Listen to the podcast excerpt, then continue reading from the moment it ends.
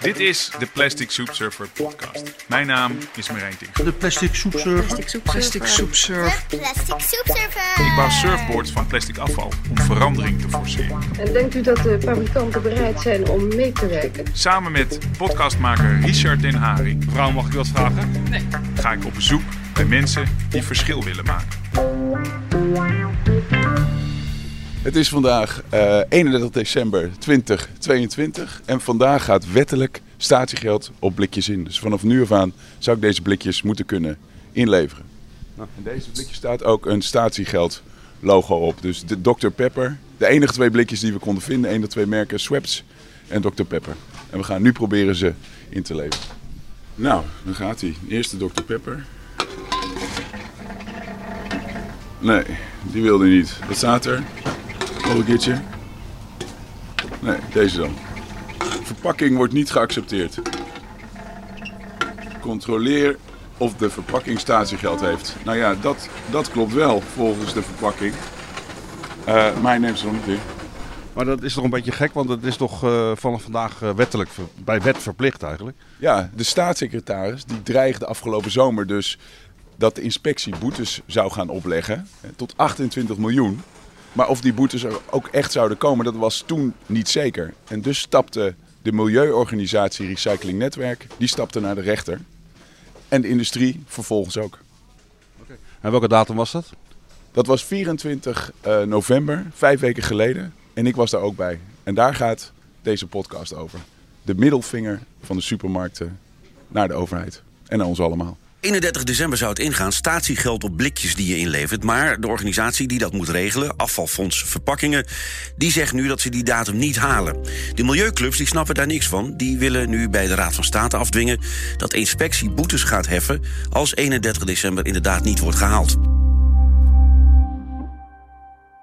gaat dus om eh, de zitting van de voorlopige voorzieningprocedure waar Recycle Network Benelux bij betrokken is.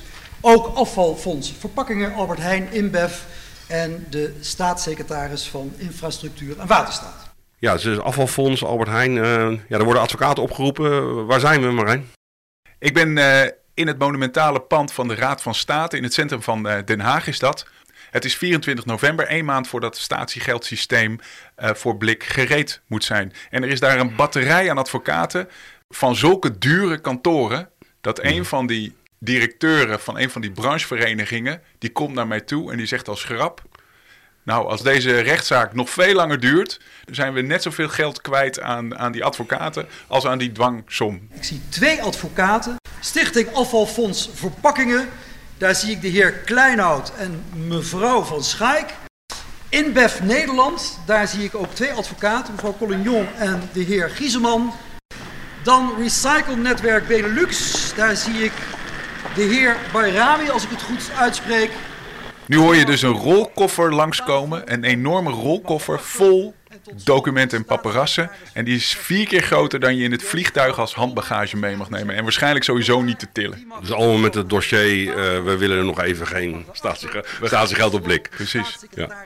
Hoeveel moet je erover schrijven? Dus dat was grof geschud dat de supermarkten, de verpakkende industrie en de drankenproducenten hadden klaargezet voor de rechter. En daartegenover stonden de juridische afdeling van de staatssecretaris en de milieuorganisatie Recycling Netwerk. Ja, ik ben eh, Rob Buurman en ik, eh, ja, ik ben directeur van Recycling Netwerk Benelux. En hij had zijn nette kleren en schoenen aangetrokken. Ja, dan trek je je nette schoenen weer aan en dan glij je opeens uit over al die marmeren vloeren. Dus eh moet ik even aan wennen. Moet er natuurlijk een beetje netjes voorkomen voor, voor de rechters. Ehm, maar het is, een, het is een interessante dag vandaag. Er staat denk ik veel op het spel. Ja, wat, wat, gaat er, wat staat er te gebeuren? Nou, het bedrijfsleven heeft eenzijdig aangekondigd dat ze staatsgeld op blikjes willen uitstellen. Ja, en de wet geldt natuurlijk voor ons iedereen. Maar het bedrijfsleven wil eigenlijk de boete die de overheid wil opleggen niet accepteren. En daarom zitten we hier vandaag. En wat is dan het verweer van de, van de industrie? Nou, luister zelf maar even naar Miranda de Boer, woordvoerder van het afvalfonds, op Radio 1. Goedemiddag. Waarom gaat u dat niet halen? Want die datum is toch al heel lang bekend?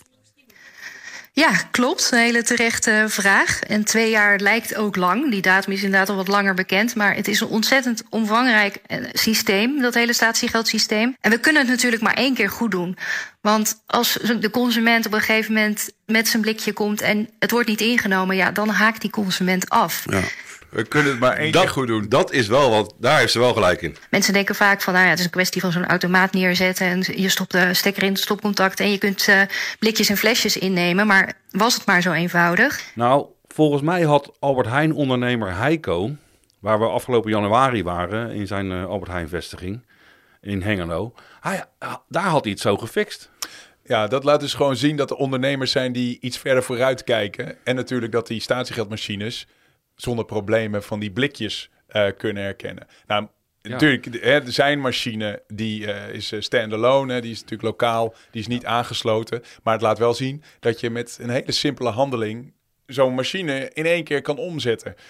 En, en we hebben natuurlijk zelf uh, de proef gedaan, de, de, de blikjestest. Zullen we eens kijken wat er gebeurt? We staan dus hier voor een, ja, het is gewoon een uh, statiegeldautomaat hè, met een gat uh, ja. erin en een displaytje. En um, Heiko, jij hebt een, uh, een leeg blikje en die stop je er nu in. De, on de onderkant moet je er dan eerst in doen. En dan uh, loopt hij vanzelf weg. En dan loopt hij naar de achterkant. En dan wordt hij dus uh, verschredderd, heet dat. Die wordt dus helemaal plat gedrukt. En die komen als in een grote zak. Totdat de zak vol zit en dan gaat die zak eruit. En dan komt er weer een lege zak in. Die blikjes, dat is uh, pas verplicht vanaf, als ik het goed heb, 31 december dit jaar.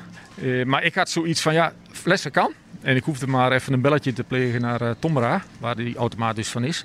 En ze konden op de achterkant, konden, via de achterzijde, konden ze zo via de computer bijschakelen, dat de blikjes dus ook geaccepteerd werden. Ja, en ik, fantastisch daar. En wat ik me goed herinner is dat, dat ik dat bonnetje kreeg. Weet je wel? Dus hij, ook om die rommel, hij gaf zelf uit eigen zak 5 cent of zo. Hè? 5 cent uh, per, per, blikje. Ja, ja en uh, dat betaalde hij dan ook zelf. Maar dan was er minder rommel op de grond. En zo, zo kan het dus ook. Ja. Prachtig. Zeker. Maar goed, uh, het, het, afvalfonds die het moest regelen, uh, geeft uh, toch aan dat ze echt alles op alles hebben gezet. Nou, we hebben natuurlijk uiteraard alles op alles gezet om die 1 januari te halen. Uh, ja. En uh, Miranda de Boer van het afvalfonds, die was ook bij die rechtszitting. Dus ja. ik vroeg haar nog maar eens, ja, dat alles op alles, wat is dat dan? Ja, precies. En we hebben alles op alles gezet om het hele systeem uh, wat daarvoor nodig is, om dat draaiende te krijgen op 1 januari. En ja, dat is helaas niet gelukt vanwege allerlei uh, ja, grondstoffenschaarste, gebrek aan menskracht. En het is een heel omvangrijk systeem, dus alle schakels moeten werken. En ja, dat lukt gewoon niet op 1 januari, maar wel vanaf 1 april. Um, nu hoorde ik je op uh, Radio 1 uh, onlangs en toen vertelde je dit ook. wat me opviel is, um, wat ik niet hoorde, was dat jullie van die twee jaar, anderhalf jaar hebben gebruikt om een ander systeem te proberen in te voeren. Um, dus niet zo gek dat je nu maar drie kwart jaar hebt om het in te voeren. Ja, kijk, een heel groot deel van een systeem nabij de supermarkt is gewoon hetzelfde als het systeem in de supermarkt. En we hebben gekeken van ja, moet je nu die 2,5 miljard blikjes in dat huidige systeem willen persen? Of kunnen we kijken van goh, wat voor waardevolle stromen zijn er nog meer die de consument makkelijk kwijt uh, wil en die ook waardevol zijn om te recyclen? Dus we zijn eigenlijk breder gaan denken en toen hebben we bedacht van laten we een kioskachtige constructie uh, met elkaar neerzetten. Ook met andere uh, organisaties, bijvoorbeeld van elektrische apparaten, batterijen, mobieltjes die mensen in een la laten slingeren. Dus dat was de bredere gedachte.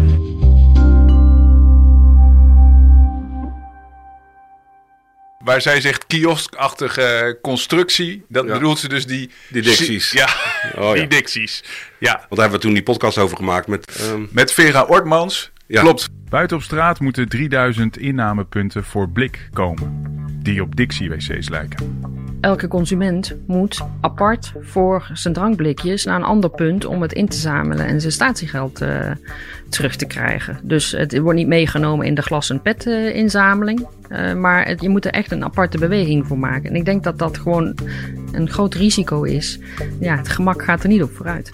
Dus dit was hun plan, hè, waar ze dus tot drie kwart jaar geleden aan hebben vastgehouden. En ze zijn er pas van afgestapt toen de Nederlandse gemeenten in opstand kwamen tegen die Dixie-hokjes op hun stoepen. Zij noemen dat dan circulaire hubs. Uh, maar goed, ik vroeg Miranda of ze, nu ze de wet overtreedt, dan tenminste een boete moet krijgen. We overtreden inderdaad de wet, dus dat, dat willen we niet. Daarom hebben we ook alles op alles gezet. En ja, als die boete er komt, dan is dat ook voor ons echt vreselijk veel geld. Maar ja, die zullen we dan gewoon betalen natuurlijk. Maar toch vechten jullie de boete aan. Nou, we willen in ieder geval, en dat is goed in Nederland, dat je het ook kunt laten toetsen. Uh, de ILT heeft een preventieve last van een dwangsom opgelegd. En een voorzieningenrechter nu vandaag, die kijkt daarnaar van hoe ziet dat proces eruit. En dat is mooi, dat we in een rechtsstaat leven. We leven in een rechtsstaat uh, en als je genoeg geld hebt, kan je overal enorm veel advocaat op afsturen. Volg de rij, zoek een stoel uit en de voorzitter zal het van mij overnemen, gelukkig. En dan begint uh, de rechtszaak. Er zijn een stuk of 60 mensen in het publiek. Uh, vooral uh, advocaten en specialisten. Helaas mag ik geen opnames maken in de rechtszaal. Dat mag, dat mag gewoon niet. Maar ik ben natuurlijk wel benieuwd, wat is er nou uitgekomen uit, uit deze rechtszitting?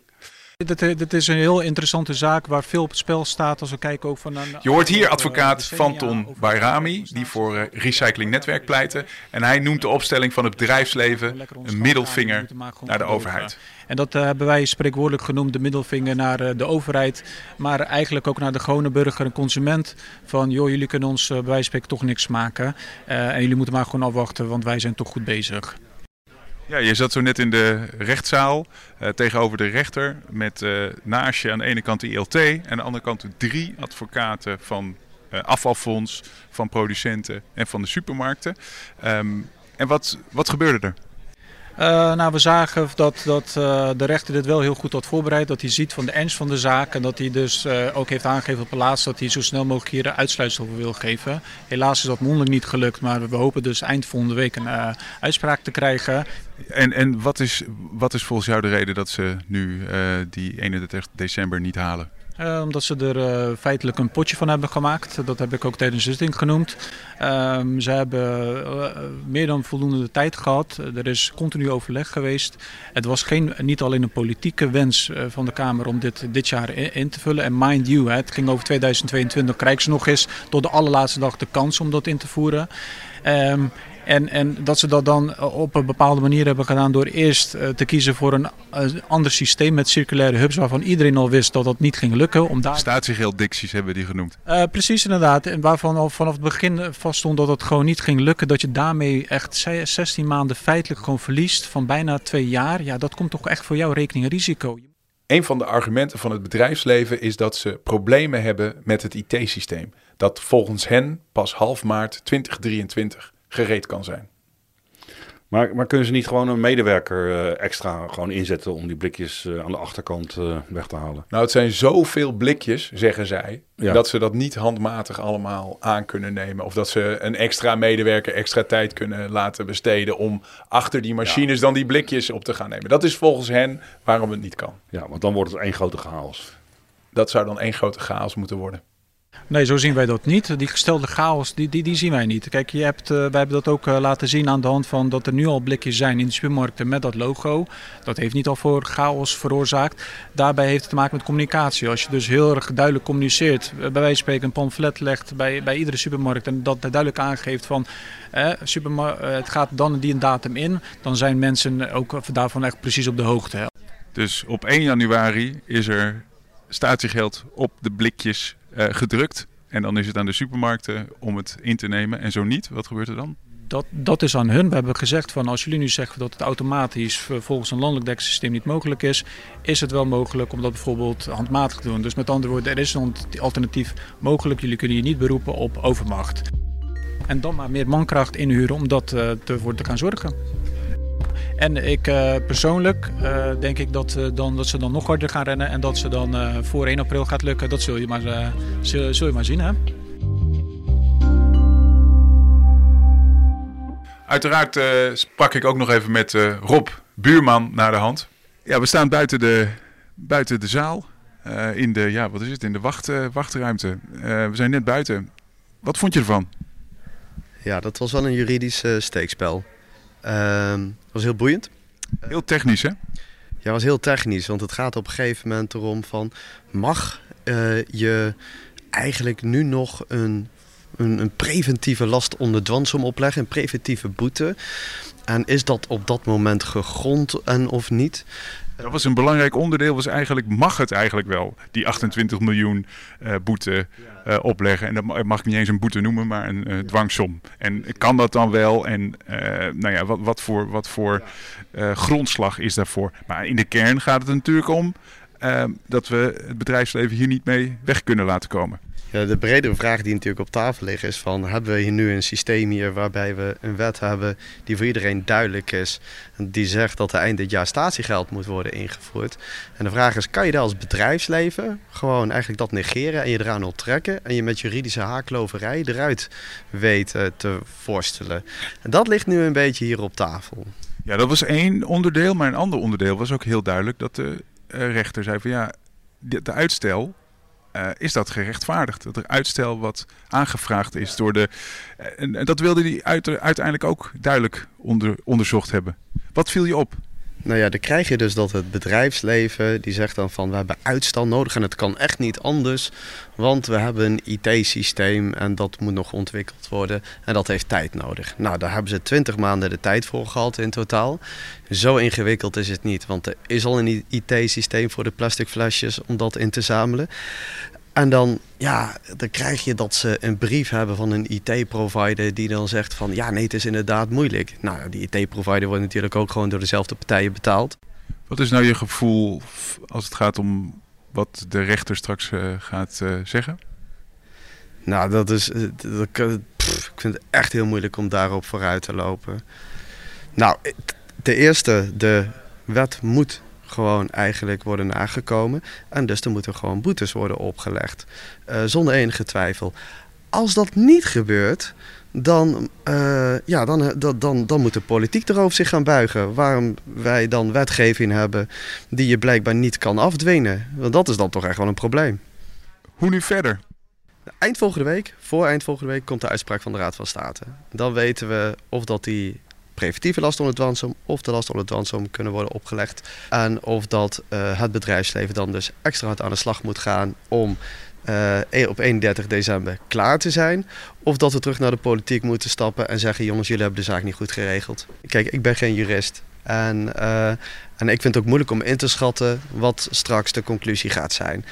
Maar als je kijkt naar het bredere verhaal en de maatschappelijke context en het feit dat producenten zo lang de tijd hebben gehad, samen met de supermarkten, om dat staatsgeldsysteem op te zetten, dan zou het echt, echt, echt bizar zijn als ze hiermee wegkomen.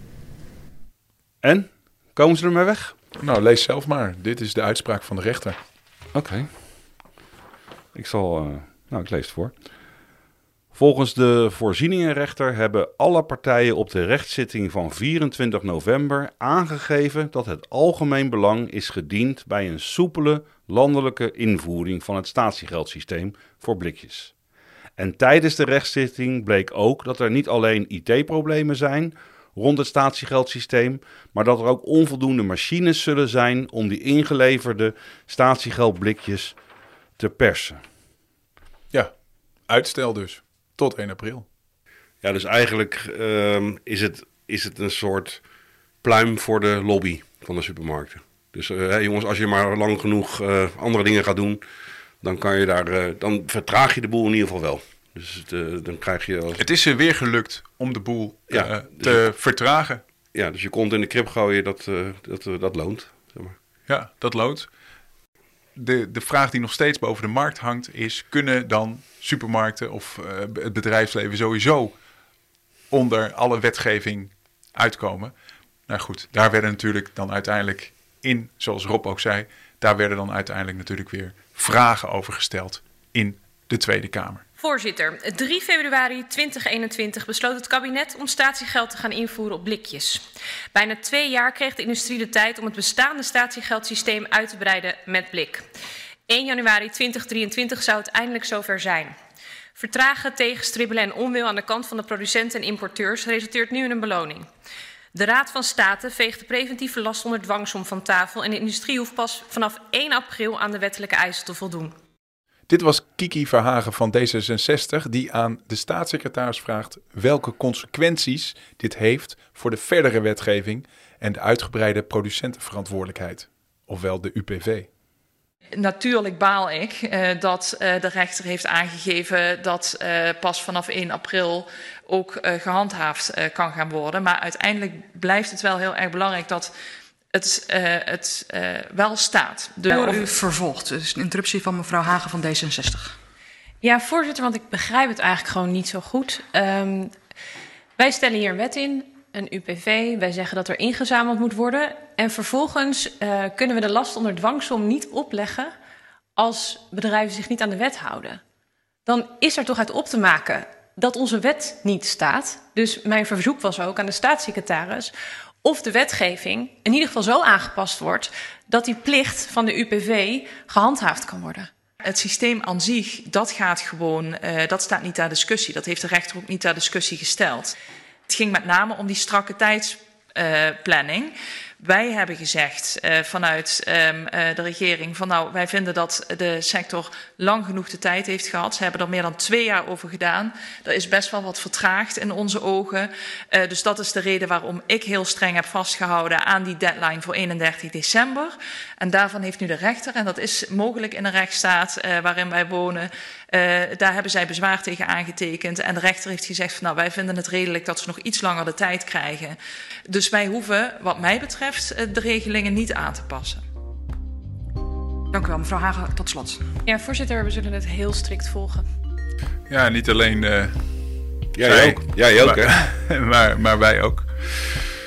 Nou, nog een paar maanden dan is er statiegeld uh, op uh, blik. Oké. Okay. Nou, we gaan het zien. Maar wat ga je nou eigenlijk doen met die, met die blikjes die je heeft gekocht? Nou, misschien wel een leuke tip voor de luisteraar. Ga allemaal die statiegeldblikjes sparen. Want in april kan je ze straks allemaal inleveren. Oh, ja, en dan kan je flink cashen. Oh ja, dus nu zorgen dat je die blikjes pakt en dan uh, daarna cashen. Precies. Nou, dat is een mooie uh, uitsmijter. Dit was aflevering 3 van het tweede seizoen van de Plastic Soup Server podcast. Hartstikke leuk als je even reageert en overwegens een donatie op petjeaf.com. Ja, daarmee steun je natuurlijk onze missie. Ja, precies. Nou en ja, tot de volgende keer. Dankjewel, tot de volgende keer.